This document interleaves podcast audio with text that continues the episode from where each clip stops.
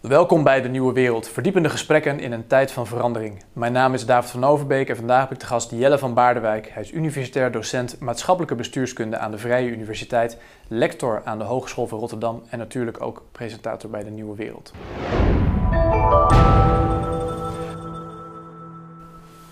Dag Jelle. Zoals gezegd in de inleiding, jij bent zowel universitair docent aan de VU, ook lector aan de Hogeschool Rotterdam en natuurlijk presentator hier bij de Nieuwe Wereld nogal wat, uh, wat dingen waar je mee bezighoudt. En onlangs ben jij aangesteld officieel als bedrijfsethicus aan de Hogeschool van Rotterdam. En daar eh, gaan we een gesprek met elkaar eigenlijk over hebben. Um, om eerst met te beginnen, wat doe je eigenlijk als bedrijfsethicus? Waar hou je mee bezig?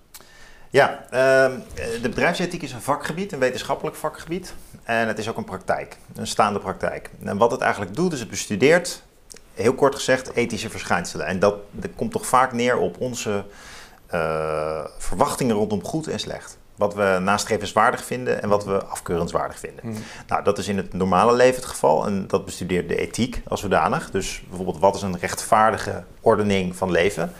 Uh, kan onze welvaartsstaat bijvoorbeeld rechtvaardiger worden ingericht? Uh, of uh, is, het, is het goed dat, dat je in Nederland geld betaalt als je kinderen naar de crash stuurt? Zou er mhm. meer subsidie op moeten worden betaald? Mhm. Hoe zit dat dan met die toeslagenaffaire? Uh, wat is daar precies fout gegaan? Dat zijn vragen waar je als ethicus mee bezig kunt houden. In mijn geval gaat het dan echt over vragen die verbonden zijn aan onze economie. Dus die mhm. toeslagenaffaire is al een mooi voorbeeld. um, en ook ethische vragen die in organisaties intern spelen uiteindelijk ook om uh, vragen uh, die de persoon zelf aangaan. Nee, en dat zijn grote vragen. Hoe vind jij dat in de algemeenheid daar bijvoorbeeld, om even in Nederland te blijven, daarmee wordt omgesprongen op dit moment? Nou, grofweg in het publieke debat zie je dat er heel veel aandacht is voor moraal. Ja, dus uh, rondom bijvoorbeeld het verleden van de slavernij, thema's als racisme, MeToo, het vuurwerkdebat, daar wordt echt in morele, soms zelfs moralistische termen gesproken. Mm -hmm. um, dus in het publieke debat is ethiek redelijk hot. Dat publieke debat weerspiegelt ook wel onze algemene cultuur. Dus je ziet bijvoorbeeld dat mensen veel meer geneigd zijn om elkaar te bekritiseren uh, rondom taboe-thema's. Thema's die altijd al taboe waren, maar nu nog verder getaboeiseerd worden. Dus mhm. bijvoorbeeld alcoholisme, pestgedrag van je kinderen. Brede maatschappelijke thema's die best moreel geladen zijn. Mhm. In het bedrijfsleven uh, zien we niet helemaal die ontwikkeling gespiegeld. Dus het bedrijfsleven is toch nog voor een belangrijk deel eigenlijk vrij opportunistisch bezig met uh, maatschappelijk verantwoord ondernemen, met, met bedrijfsethiek, met um, thema's als duurzaamheid. En wat dus, bedoel je dan met opportunistisch? Nou ja, je ziet wel dat ze inzien dat consumenten behoefte hebben aan een uh, bedrijf dat yeah. op een duurzaam, duurzame manier produceert. Mm. Of uh, dat, dat je in je HRM-beleid netjes met je personeel moet omgaan, dat dat ook hoort bij wat de wet van je vraagt. Dat, mm. Je ziet ook dat mensen, uh, ja, je wil jongeren aantrekken en jongeren willen vaak, nou ja, geen leaseauto, maar in ieder geval um, maatschappelijk relevant werk.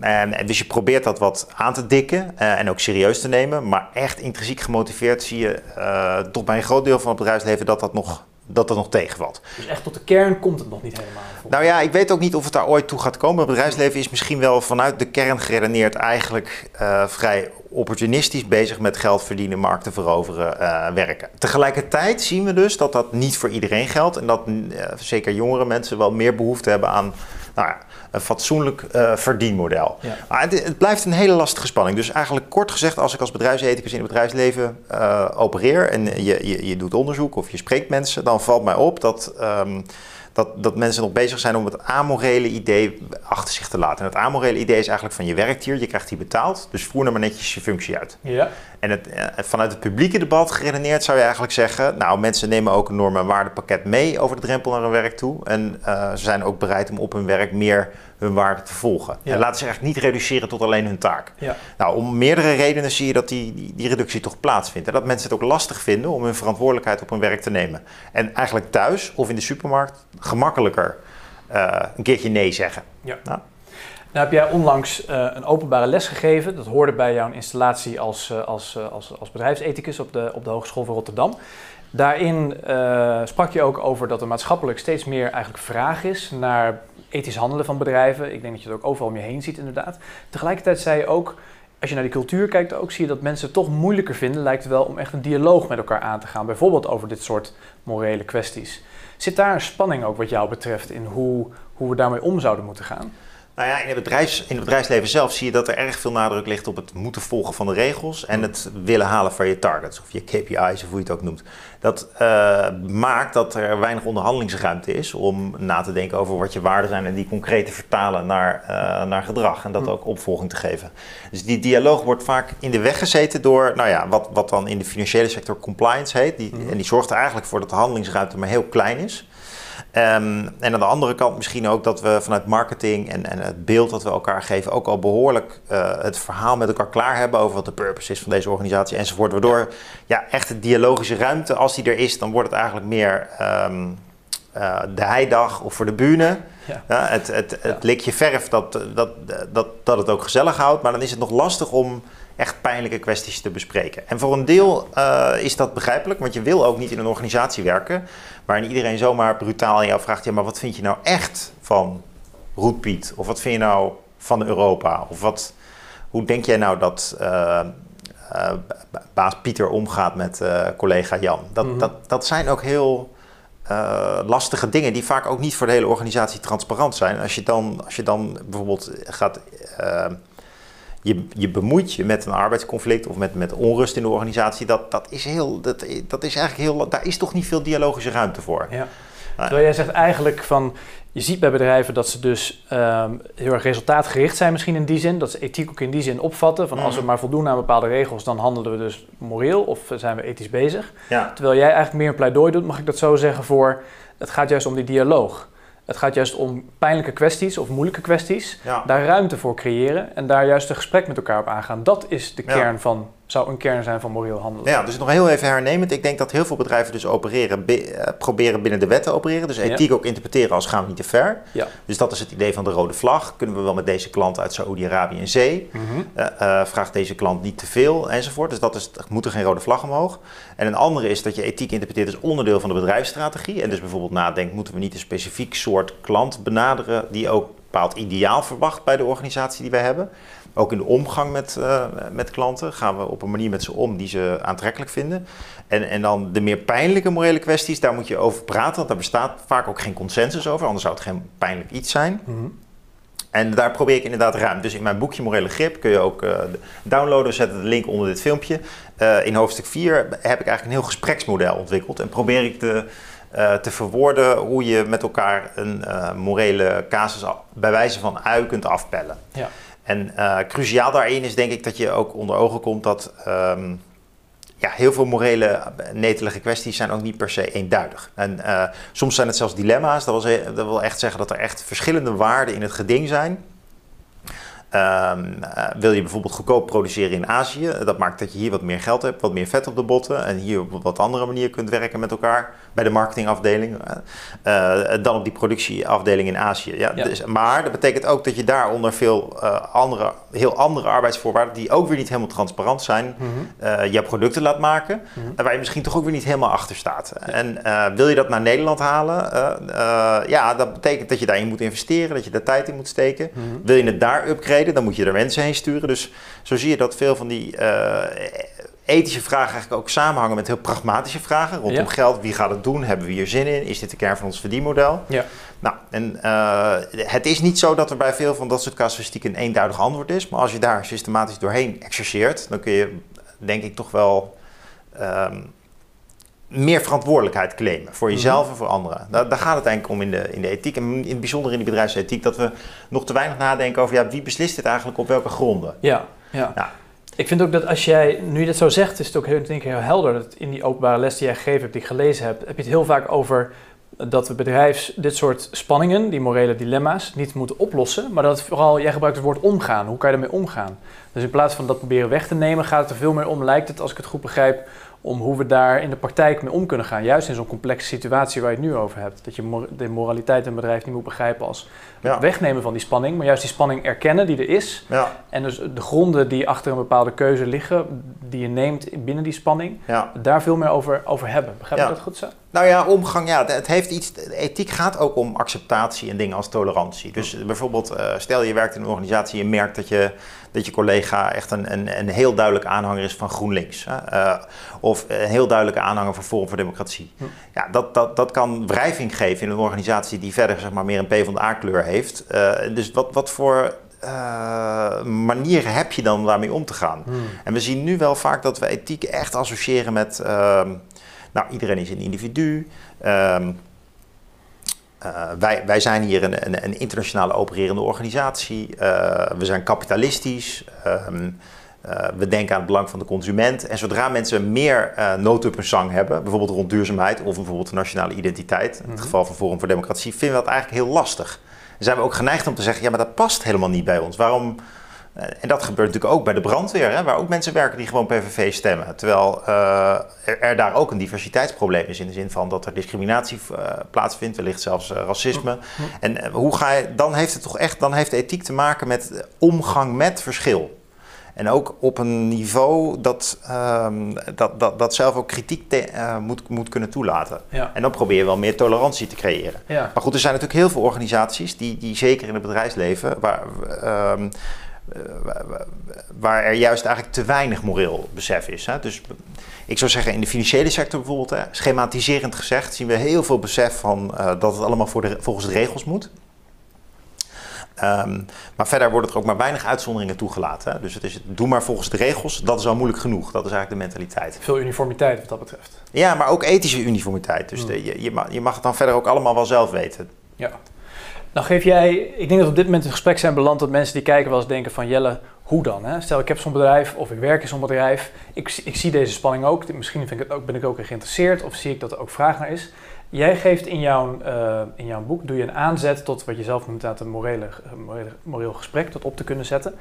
Maar daar voorafgaand zeg je, als je hierover wil nadenken, kan je een bepaald systeem hanteren. Je onderscheidt eigenlijk drie niveaus, macro, meso, micro. Eh, eh, en eh, individuen, bedrijven en systemen zou je kunnen zeggen. Om na te kunnen denken en stil te kunnen staan bij dit soort, bij dit soort, bij dit soort morele vraagstukken. Ja. Zullen we die gewoon eens één voor één eens afgaan en gewoon eens kijken wat dat oplevert? Dus kijken Ja. hoe we daar precies bij stil moeten staan. Om Ja. denk ik te beginnen bij, bij dat macroniveau, het grootste niveau, het meest abstracte niveau. ja. Hoe, hoe, hoe verhoudt het zich tot elkaar en wat Nou, leuk dat je dat eruit ligt in de eerste plaats. Eh, dus dat, dit is inderdaad een beetje het organiserende principe van, eh, van het boekje. Dat, eh, kijk, er zijn economisch-ethische vragen te stellen in deze Mhm. tijd. Bijvoorbeeld rond corona. Ehm, op wat voor manier heeft nu het, ook het regeringsbeleid... Wat, wat, wat is de rationale achter de, de investering in bijvoorbeeld mensen die niet meer aan het werk komen... Eh, dus, dus, de- dus het overnemen van de loonlasten. Maar ook bijvoorbeeld de investering in een, een bedrijf als KLM of eh, de vuurwerkbranche, die inmiddels ook al 40 miljoen heeft gekregen van, eh, van de staat. Ja. Eh, als compensatie, omdat eh oud, oud, oudjaar niet doorgaat en Mhm. we geen vuurwerk af mogen steken.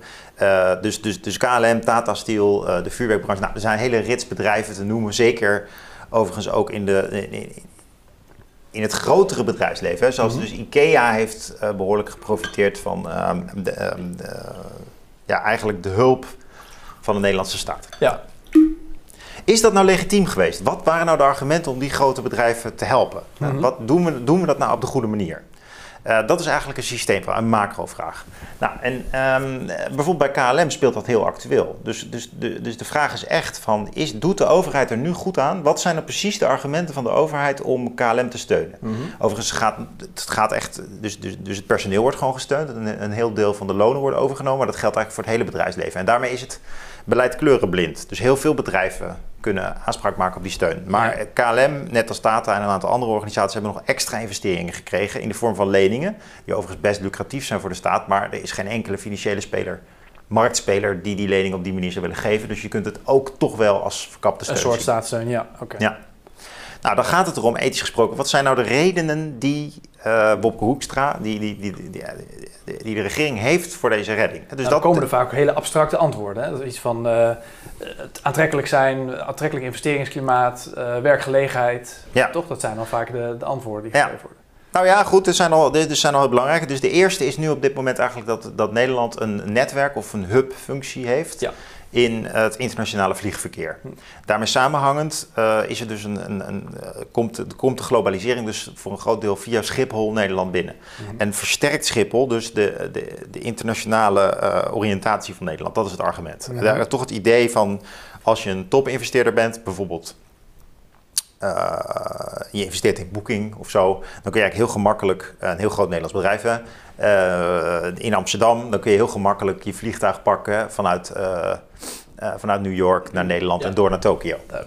Dus, de, dus die, die, die netwerkfunctie is heel belangrijk. Um, nou, andere reden is inderdaad dat er heel veel mensen werken. Dus direct en indirect werken er ontzettend veel mensen bij uh, KLM. Uh, en, en, en nog een reden is, samenhangend met deze twee redenen, dat uh, die werkgelegenheid en die netwerkfunctie natuurlijk voor zorgen dat er heel veel economische productiviteit te relateren is aan Schiphol. Mm-hmm. Nou, er zijn er allerlei onderzoeken en journalisten ook die heel duidelijk laten zien, onder andere van de correspondent, bijvoorbeeld Jesse Frederik, maar ook um, Follow the Money die heel goed laten zien dat, dat alle drie de argumenten eigenlijk wankel zijn. Ja, dus, de, dus de werkgelegenheid daar, nou het valt wel mee. Zoveel mensen werken er ook niet direct bij Schiphol. En ook niet bij, bij KLM, bij Schiphol, bij, bij, uh, in de hele luchtvaartwereld in Nederland. Dus dat valt misschien nog wel mee. Hm. Um, die, werk, die, die economische productiviteit die daaraan te verbinden is, nou ja, oké, okay, die is groot. Maar misschien kan het ook wel met treinen worden opgelost, met schepen. Dus dat nou, het staat vrij stevig. En die internationale netwerkfunctie daarvan wordt dan gezegd... Ja, misschien is het wel veel meer consumentenluchtvaart dan uh, wij als idee, als politieke droom hebben bij, uh, bij onze blauwe trots. Mhm. Dus dat, het idee dat KLM een heel grote functie zou spelen in onze zeg maar, industriële economie, in onze uh, robuuste creërende economie, is, dat valt misschien wel heel erg tegen. Dus het is misschien meer een consumenteninstrument dan een productieinstrument. nou, dus, Oké, okay, dus dat zijn de drie belangrijke argumenten. Dus hoe gaan we die nu wegen? Hè? Mhm. Nou, voor een deel gaat het er dan om dat je dus empirisch onderzoek daarnaar doet en uh, de journalisten daarop afstuurt en die gaan kijken van, daarop tikken van, is dit hol? Wat, wat klopt ervan? Voor een deel moet je ook uh, nog meer systematisch kijken van, wat is het eigenlijk voor, voor een uh, voor type bedrijf, hè, dat KLM? Doen zij nou iets wat heel complex is? En zitten we nu nog steeds op het macroniveau? Nu zitten we nog steeds op het macroniveau Okay, eigenlijk, ja, ja. Dus wat, wat, hoe, hoe analyseer je als overheid uh, de rol van een bedrijf in onze economie? Ja. En ik denk dat KLM eigenlijk een relatief eenvoudig uh, product levert. Uh, Mhm. Het is niet voor niks dat hele grote bedrijven zoals Emirates of uh, ook wel Amerikaanse luchtvaartmaatschappijen eigenlijk hetzelfde trucje als KLM kunnen uithalen. Uh, Lufthansa. Um, dat komt omdat luchtvaart is niet zo'n complex product. Hm. En het is de vraag of een overheid dus ook voldoende redenen heeft, normatieve redenen, dus uh, redenen die te maken hebben met hoe wij willen dat we moeten leven, Ja. Om, om zo'n eigenlijk relatief simpel product als een uh, nationale luchtvaartmaatschappij, om dat in de lucht te houden. En staan Dus- die normatieve redenen dan soms misschien haaks op die Ja. redenen die je eerder aangaf, die wankele redenen? Die Uh, ja, ja, ja, dat denk ik wel. Ja. Dus die wankele redenen die staan nog sterk genoeg, zeg maar. Dus nu kiezen we er eigenlijk voor om KLM te steunen. Ja. Nou, dat kan op twee manieren. Je kan zeggen van we steunen ze met dure leningen. Dat is de status quo. Je kunt ook zeggen we steunen ze door ze te nationaliseren. Ja. Uh, da, da, da, Ah, dat zou ook zo, sowieso een volgende stap uh, heel gemakkelijk kunnen worden. Want KLM eh, zit nog steeds in de problemen. En eh, ja, Schiphol is eigenlijk al in nationale handen. De, um, overigens voor een deel ook verdeeld over gemeentes. En mm -hmm. nog voor een deel in, in Frans bezit. Maar dat is maar een heel klein deel. Maar bij... Um, je, je, moet je dus afvragen van, denk ik, ethisch gesproken als, als land. Wanneer je kijkt naar je eigen economie, wat zijn de, wat zijn de meer infrastructurele, vitale sectoren? Nou, in een digitale economie als de onze, in 2020, zou je dan eerder denken bijvoorbeeld aan glasvezelkabels, aan het internet. Je, zou, hè, dus je, je, denkt dan niet aan een bedrijf uh, dat diensten aanbiedt, uh, die ook zouden kunnen worden aangeboden door een bedrijf uit de, de, de, Verenigde Arabische Emiraten. Dus dat, Ja. waarom, waarom zou het niet door dat bedrijf kunnen worden aangeboden? Of door de Lufthansa? Wat is precies de toegevoegde waarde voor de Nederlandse burger dat een Nederlands bedrijf dat aanbiedt? Ja. Wij zouden eigenlijk veel beter kunnen inzetten op complexe producten en daar misschien ook bezit in kunnen verkrijgen. Dus economisch, ethisch gezien zou ik zeggen dat er best wel reden is bijvoorbeeld om KPN voor een deel uh, te steunen, zodat er bijvoorbeeld gratis internet zou zijn in Nederland. Ja, dat is echt vitaal voor onze economie, voor de, voor de, voor de nieuwe innovatieve economie. Ja. En bij KLM hebben we toch het idee, ja, dat is eigenlijk de, dat is de- Oude economie. Ja, het is een oude geglobaliseerde economie, die Ja. bovendien ook eh, goed te kopiëren is. Het is een heel kopieerbaar businessmodel, met ook enorm lage marges, omdat er zoveel concurrentie is. Goed, er zijn nog meer algemene economische vragen. Bijvoorbeeld, wat is de vakbond? Wat, wat, waarom is de rol van de vakbonden in de betaling van ehm, mensen in de luchtvaart zo groot? Waarom Is dat ook nog oude economie? ja, absoluut. Vak- ja, ja, ja, vakbonden zijn, eh, ja, tuurlijk. Ja. Ze roeren zich wel extreem natuurlijk in dit debat met, met KLM. En natuurlijk spelen ze een hele belangrijke rol. Ja, ze spelen een hele belangrijke rol omdat die piloten zich zo georganiseerd hebben dat eh, ze gewoon niks doen als je de vakbonden niet kunt overtuigen. Ja. Maar eigenlijk die vakbonden, die, die zijn uit op machtsbehoud. Die willen gewoon eh, voldoende hoge salarissen. Terwijl die, ja, dat, dat is eigenlijk niet meer verdedigbaar. Ook de vakbonden hebben een heel grote romantiek over zich heen van het beschermen van de belangen van de werknemer, van de Mhm. arbeider. Mhm. De salarissen zijn torenhoog. Je zou eigenlijk veel meer denken aan een soort code tabaksblad die ook geldt voor eh, bedrijven als KLM, zodra de Nederlandse staat erin investeert. Ja. Maar goed, dus systeemvragen over de economie of economische ethiek gaat wat mij betreft over dat soort dingen. Wat, wat is nou de goede rol van de vakbond? Ja. Eh, Wanneer is de vakbond nog bij de tijd? Maar ook hoe wil je een economie inrichten als overheid? Waar wil je steun bieden? Omdat je dat belangrijke dingen vindt. En nu is het denk ik te veel. We zitten eigenlijk, we zijn nog een economie in stand aan het houden die, die, die eigenlijk ook verouderd is. Ja. En op, langs meerdere assen. Dus één is van, is het nou zo knap, dat verdienmodel en dat productiemodel van KLM? Of is het eigenlijk relatief makkelijk over te nemen door andere bedrijven? Mhm. En moet je dus gewoon de vrije markt zijn werk laten gaan? Hm.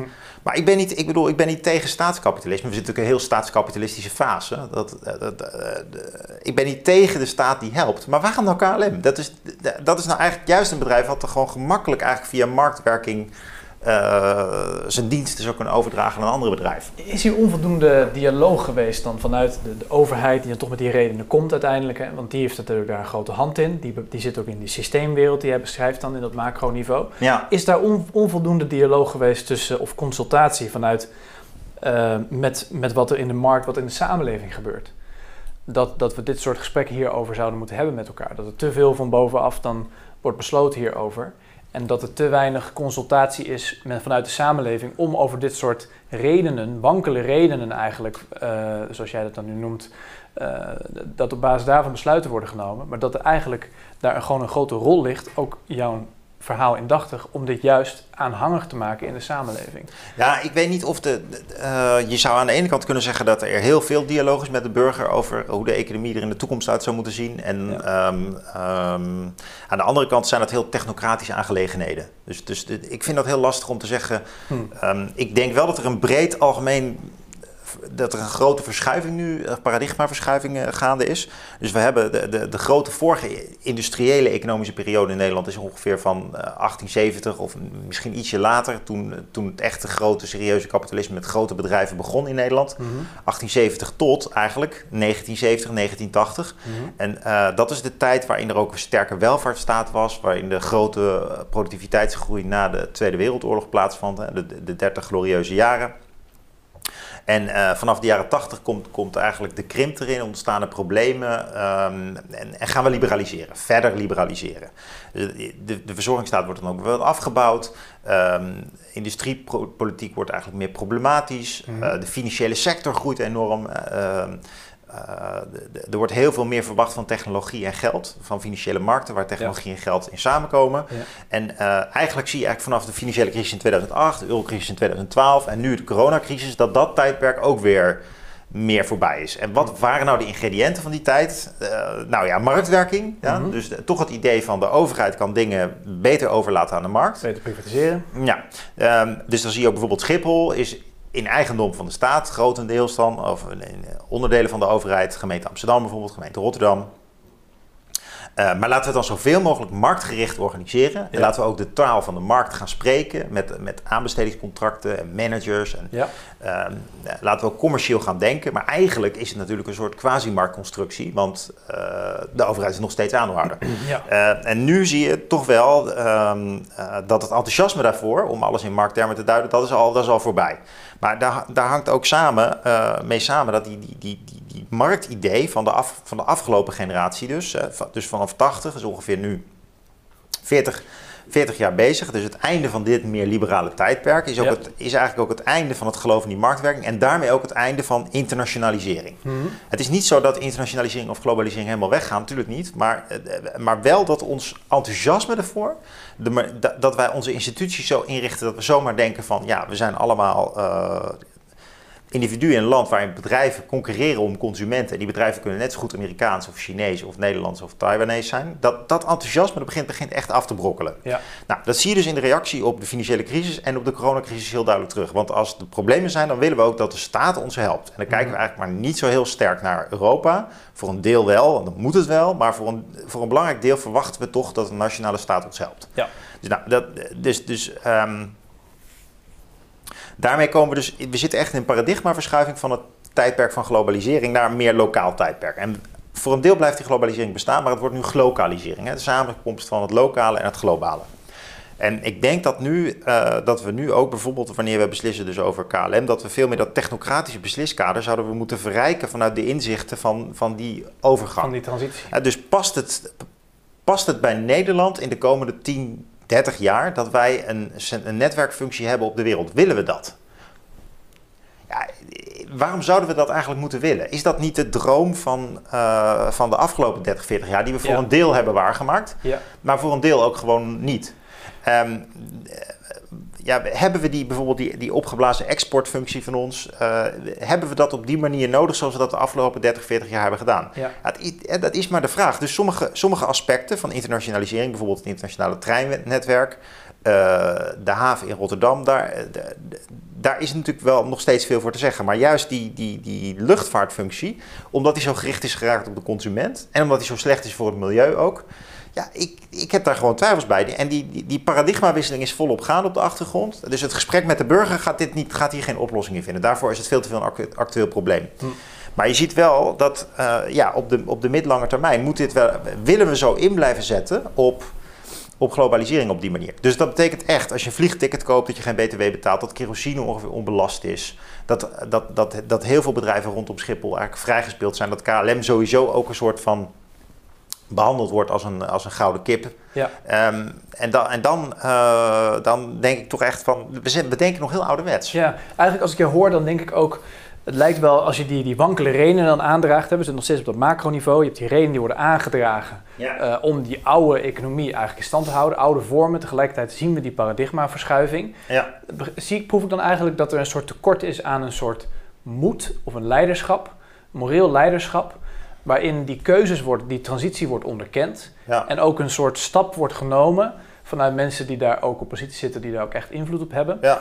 om vorm te geven en die, die, die transitie die gaande is ook zeg maar te laten ontbloeien. En dat nu eigenlijk nog, door dat niet te doen, door die wankele oude redenen aan te dragen, ehm, eigenlijk het oude in stand wordt gehouden, terwijl we zien dat die andere transitie op de achtergrond gaande is. Ja. Ah, maar die morele moed, dat moeten we dan, of de moed, misschien niet eens morele moed, die zit hem erin dat de manier waarop wij kijken naar economie is nog heel neutraal. Dus een markt is een markt. Ja. En er is nu ook ongeveer de strijd trouwens eh, in, in, in de monetaire wereld. Mhm. Moet de Europese Centrale Bank nou discrimineren in de financiering van verschillende markten? Is een markt een markt? Is een bedrijf een bedrijf? Of zijn er bepaalde bedrijven toch geprivilegeerd omdat ze bijvoorbeeld een meer vitale functie spelen, kunnen spelen, krijgen in, in de toekomstige meer duurzame economie? Hm. Ja, of omdat ze bepaalde regio's omhoog houden. Je kan je voorstellen dat een bedrijf bijvoorbeeld in, in, in Limburg of in Groningen, dat het ook van cruciaal lokaal belang is om daar werkgelegenheid te houden. Uh, voorbeeldje. Ja. Nu is, het, nu is het in ieder geval het monetaire beleid in Europa en, en ook sowieso heel veel economisch beleid in Nederland is nog eigenlijk heel neutraal. Dus we maken nog niet zoveel onderscheid tussen vitale bedrijven en gewone infrastructurele bedrijven. Waarom bedrijf- niet eigenlijk? Waarom, waarom wordt daar... ja, dat heeft te maken met ons denkkader. Dat we toch eigenlijk geneigd zijn om te denken, een markt is een markt. Sterker nog, we zijn helemaal niet eh, geneigd om te denken dat de markt helemaal niet bestaat. Ja.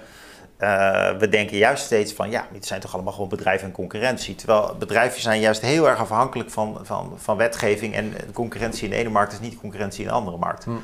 Mm, dus, ehm, oké, waar heeft die moed dan mee te maken? Nou, dus, dus dat je inderdaad zegt van, nou, we gaan niet zomaar nu in coronatijd ieder bedrijf helpen. Hoeveel pijn dat ook eh, kost. Ehm, maar we kiezen voor investeringen in bepaalde organisaties en bepaalde sectoren. Ja. En, nou, en dat betekent ook dat je. Maar goed, de, de hoop is nu nog heel erg van. We investeren gewoon in alle bedrijven, in alle lonen. eh, in de hoop dat, eh, dat de komende jaren dat, dat corona weer wegtrekt. Dat we alles kunnen wegverdienen.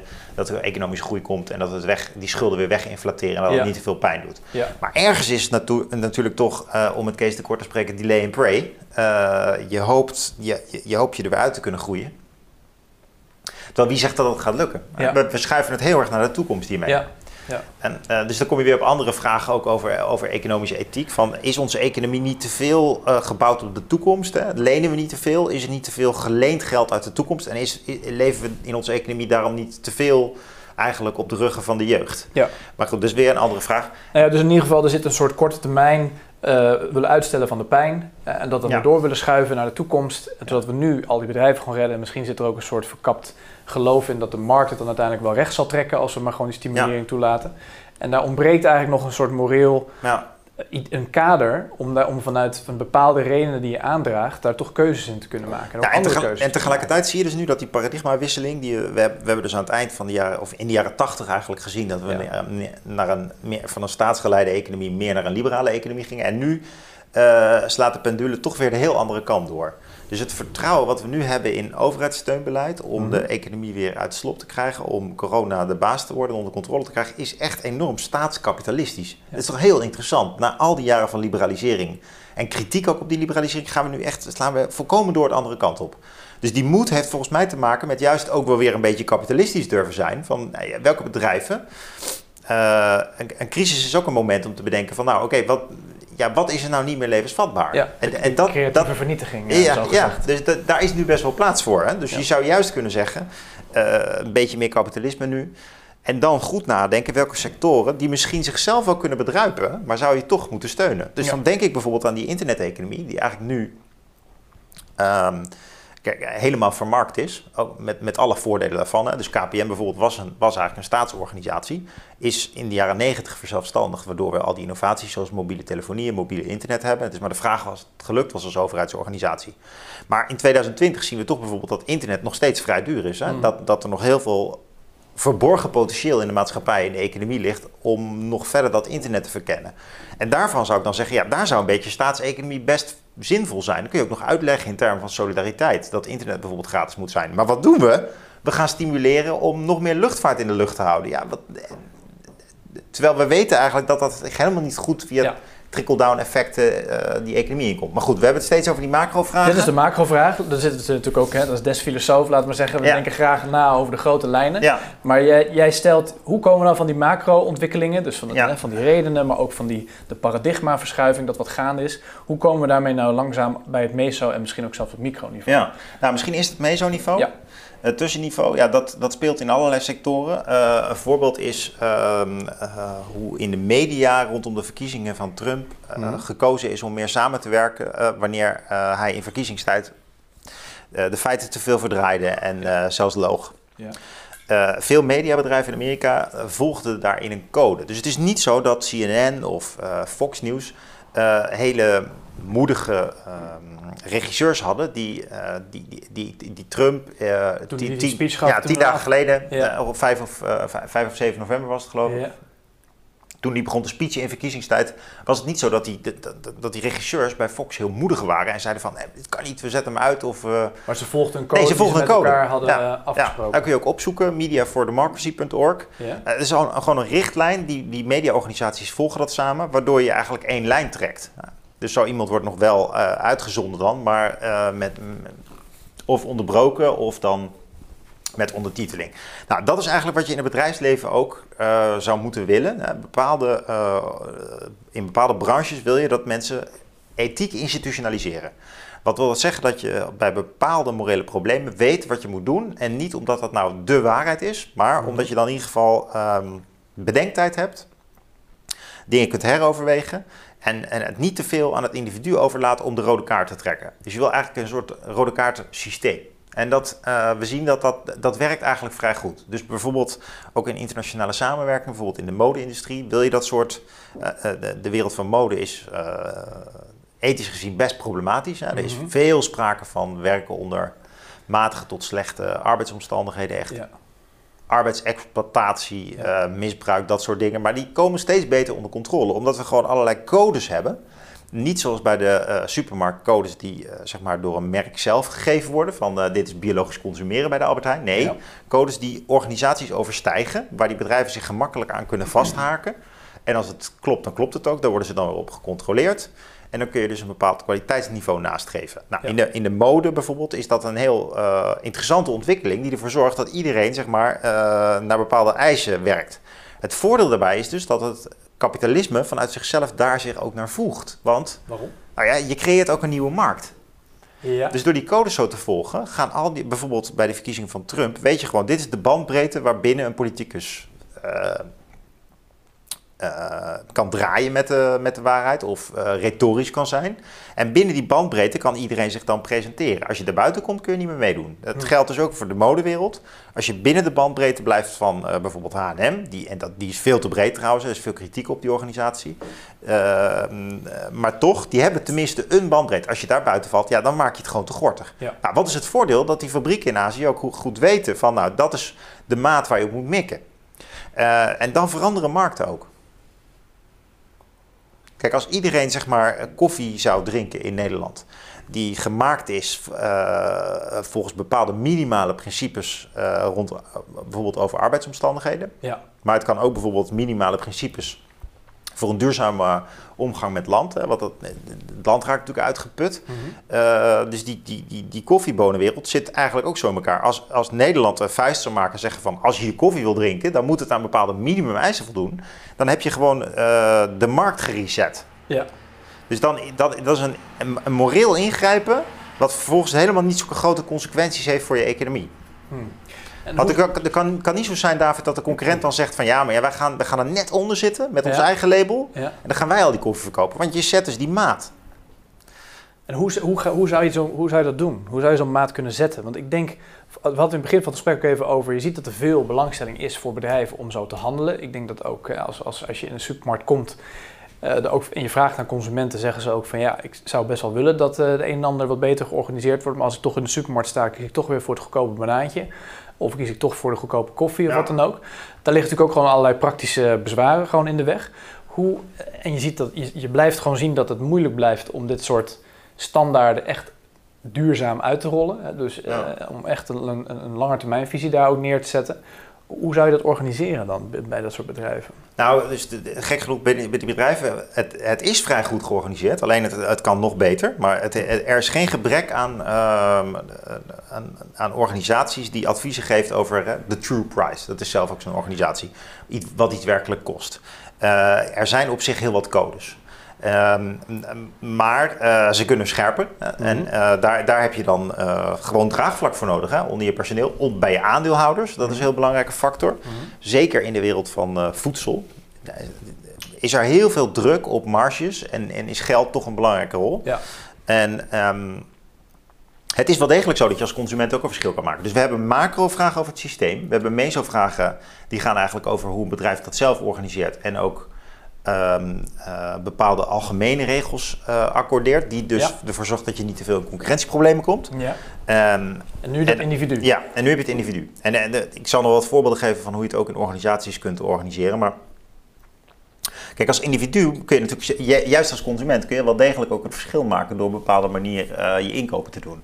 natuurlijk. Uh, alleen men is vaak heel kritisch dat, uh, uh, dat het neoliberaal zou zijn, dat, de, dat de consument zelf maar moet beslissen om verantwoord uh, te consumeren. Ja. Maar het is ook een beetje makkelijke Michel Foucault-kritiek, die, die, die, die, die eigenlijk miskent dat jij als individu met je portemonnee, ja, geld is ook gewoon uh, waarde. Dus geld symboliseert waarde in economische betekenis, maar ook het nastrevenswaardige in morele zin. Ja, dus En- als je die goedkope banaantjes kiest, dan geeft het ook maar weer aan wat jij er eigenlijk voor Ja. over hebt voor een betere wereld. Juist. Bijvoorbeeld. Maar je, moet dus, ja, maar je moet eigenlijk wel oog hebben voor wat bijvoorbeeld gezegd wordt in de consumentengids over die verschillende codes, bijvoorbeeld bij bananen of, Ja. of, of eh, telefoons, om door te hebben van, eh, ja, wat, eh, kies ik nou wel goed of laat ik mij eh, een rad voor ogen draaien? Want dat is eigenlijk een probleem dat die consument steeds tegenkomt. Het misbruik van die uh, codes en richtlijnen. Maar er zijn nu, eh, kijk, de tijd dat je om biologisch of, of uh, om, eerlijk te consumeren naar een speciale winkel moest, is, ligt alweer achter ons. Hè. Dus, het, dus onze vrije markteconomie heeft in al haar schoonheid, uh, want het heeft ook veel schoonheid, juist die, die, die, die, die milieuvriendelijke en, en mensvriendelijke producten geïntegreerd in het model. Dus je kunt, je kunt eigenlijk gewoon bij een grote Albert Heijn kun je heel fatsoenlijk boodschappen doen. Dat is interessant dat, dat, überhaupt, dat de markt zich zo ontwikkeld heeft. Dus dat is niet meer iets voor mensen met uh, van, die, van die grijze gebreide sokken. Nee, het, is al lang het wordt al lang mainstream. Het wordt al lang een hoofdstroom. Mm -hmm. En dat is dus, uh, daar, daar, moet je gewoon enigszins in, uh, la, in informeren, dat wel. Maar dan kun je volgens mij, zonder cynisch te zijn, door geld uit te geven aan waar je toch al geld uit aan wilde geven ehm, proberen om de wereld te verbeteren. Mhm. ja. En uh, dat is dan weliswaar een druppel op de uh, hete plaat, als je het uh, gloei, gloeiende plaat, als je het vergelijkt met het verlies aan biodiversiteit of dat soort enorme, gigantische problemen. Maar het is helemaal geen druppel binnen de economische ontwikkeling, waar je probeert om meer ruimte voor fatsoenlijke consumptie te maken. Dus het, het maakt wel degelijk een verschil. Mensen gaan daar dan weer meer op investeren dat productassortiment verbreedt weer. We zitten in die ontwikkeling naar dat, dat meer mensen dat gaan doen. Dus het is heel goed om daar denk ik aan mee te doen. Dus ik ben wel uh, iemand die daar optimistisch over probeert te zijn. Maar je moet je wel informeren, want er zijn bedrijven die maken er misbruik van. Dus die, plak, die plakken een stickertje over.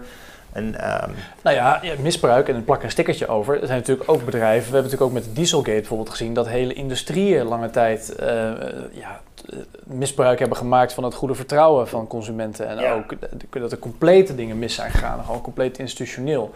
Hoe kijk je nou als bedrijfsethicus, misschien met dit schema ook indachtig, hoe kijk je nou naar zoiets, wat daar gebeurd is bij Volkswagen destijds en bij andere bedrijven? Ja, nou, het is een heel, is een heel grote casus, hè, Dieselgate. Dus we, we, we, hebben meer, uh, ook recente problematieken gezien. Ja. Uh, ook trouwens bij Ahold, maar bij Wirecard is een voorbeeld, ja. de bankaire wereld. Uh, maar stel dat je dat in micro, meso, macro zou analyseren, macro zou analyseren, dan...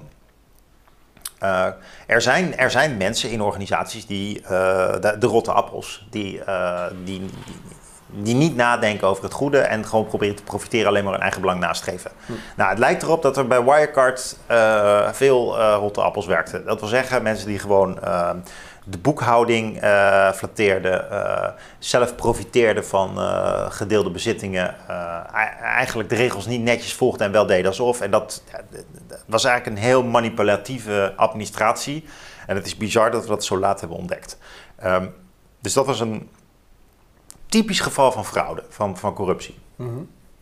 Bij, bij Dieselgate ligt het denk ik wat complexer. Er waren niet een paar, uh, paar individuen, zeg maar, die uh, fraude pleegden. Maar zag je systeem, systeemfraude. In de kern um, ik denk dat het een heel competitieve wereld is, sowieso de autobranche. Ja. En uh, als je heel hoge verwachtingen hebt en mensen daar ook op beloont en ook bonussen voor gaat geven, dan kan het zo zijn dat mensen soms denken van oké, okay, ja, tandje erbij, tandje erbij. En dan op manieren gaan werken die net niet meer kunnen, net nog wel kunnen. En dan uh, van het een komt het ander, uh, je niveau, eis verlaag je en op een goed moment ga je ook fraude plegen. Maar de oorzaak is dan misschien wat minder mm, uh, iemand die misbruik wil plegen en wat meer, nou in het systeem waarin je werkt, moet het wel omdat je anders ontslagen wordt. Ja, dus het is een soort, misschien meer een soort achtergronddruk die je voelt ja. de hele tijd, constant.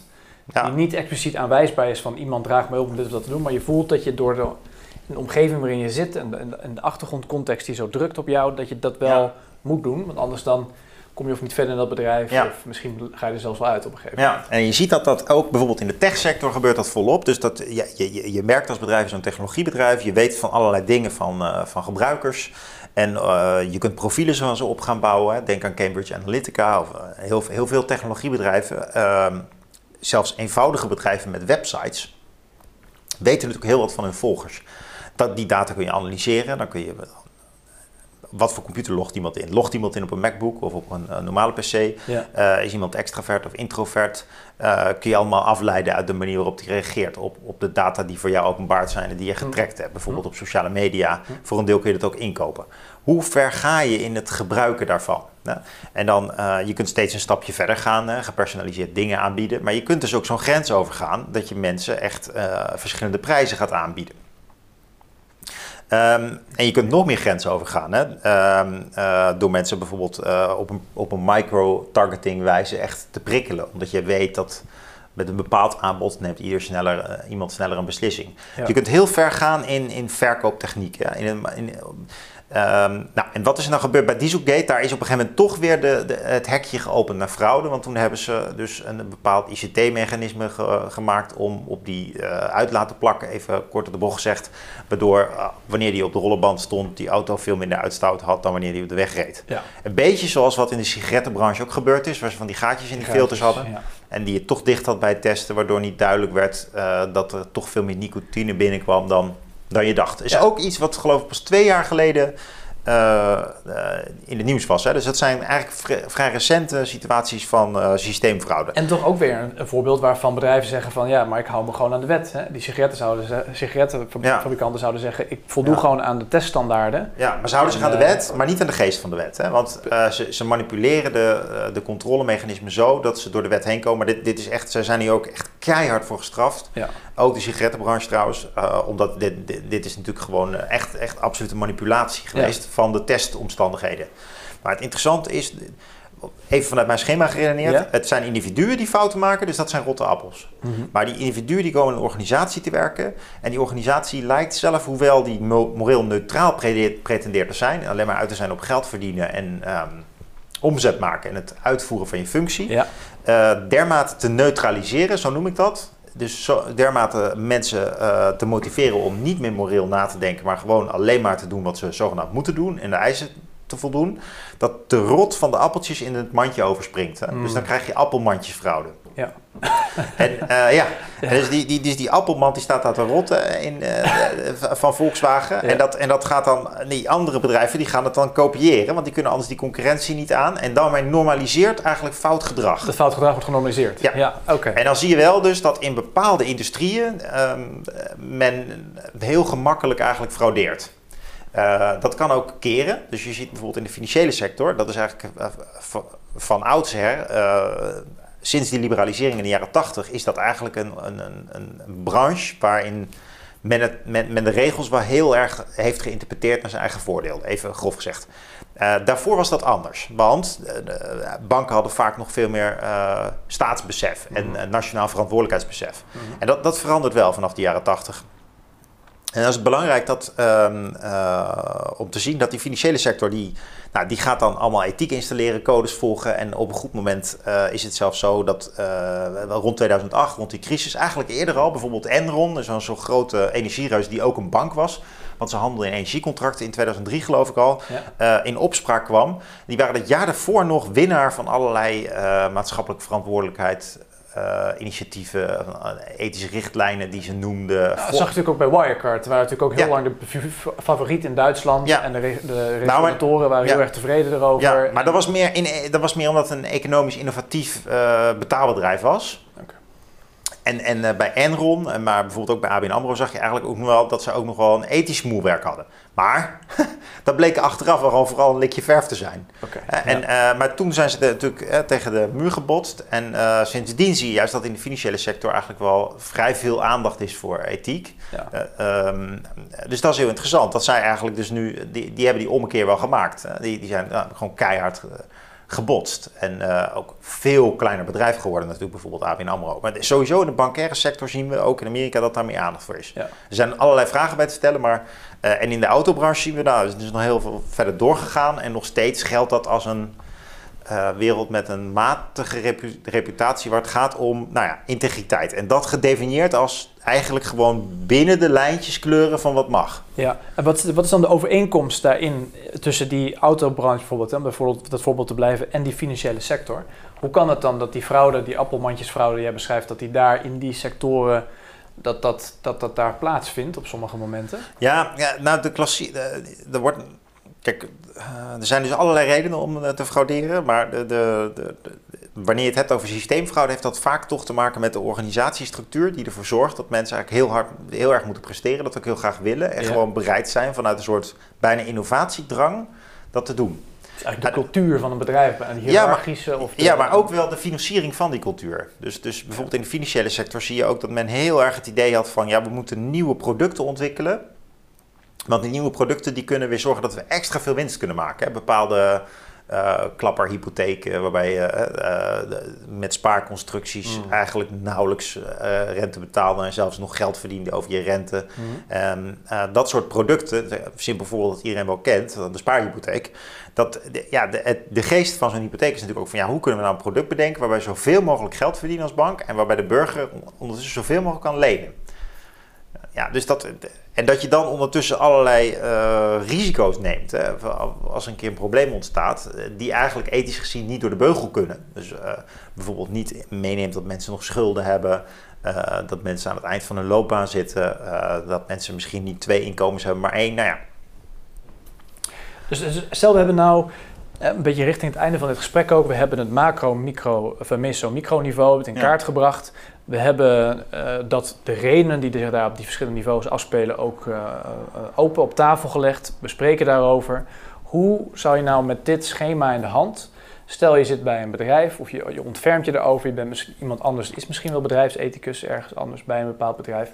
Hoe kan je nou dit, um, hoe kan je hiermee nou met dit in de hand wat kan je ermee gaan doen? Ja, Hoe kan je nou- dit gaan operationaliseren misschien of in gaan zetten in het bedrijf? Hoe ja, nou, kijk, systeemvragen die, uh, die, die kun je thuis aan de keukentafel met elkaar bespreken en op je werk, maar die hebben meestal niet heel veel invloed op hoe je werkt. Hè? Dus je moet eigenlijk de processen waar je werkt, en uh, niet alleen maar van het kwaliteitsoogpunt, maar ook van het normatief, normatieve oogpunt van willen we dit wel? Ja.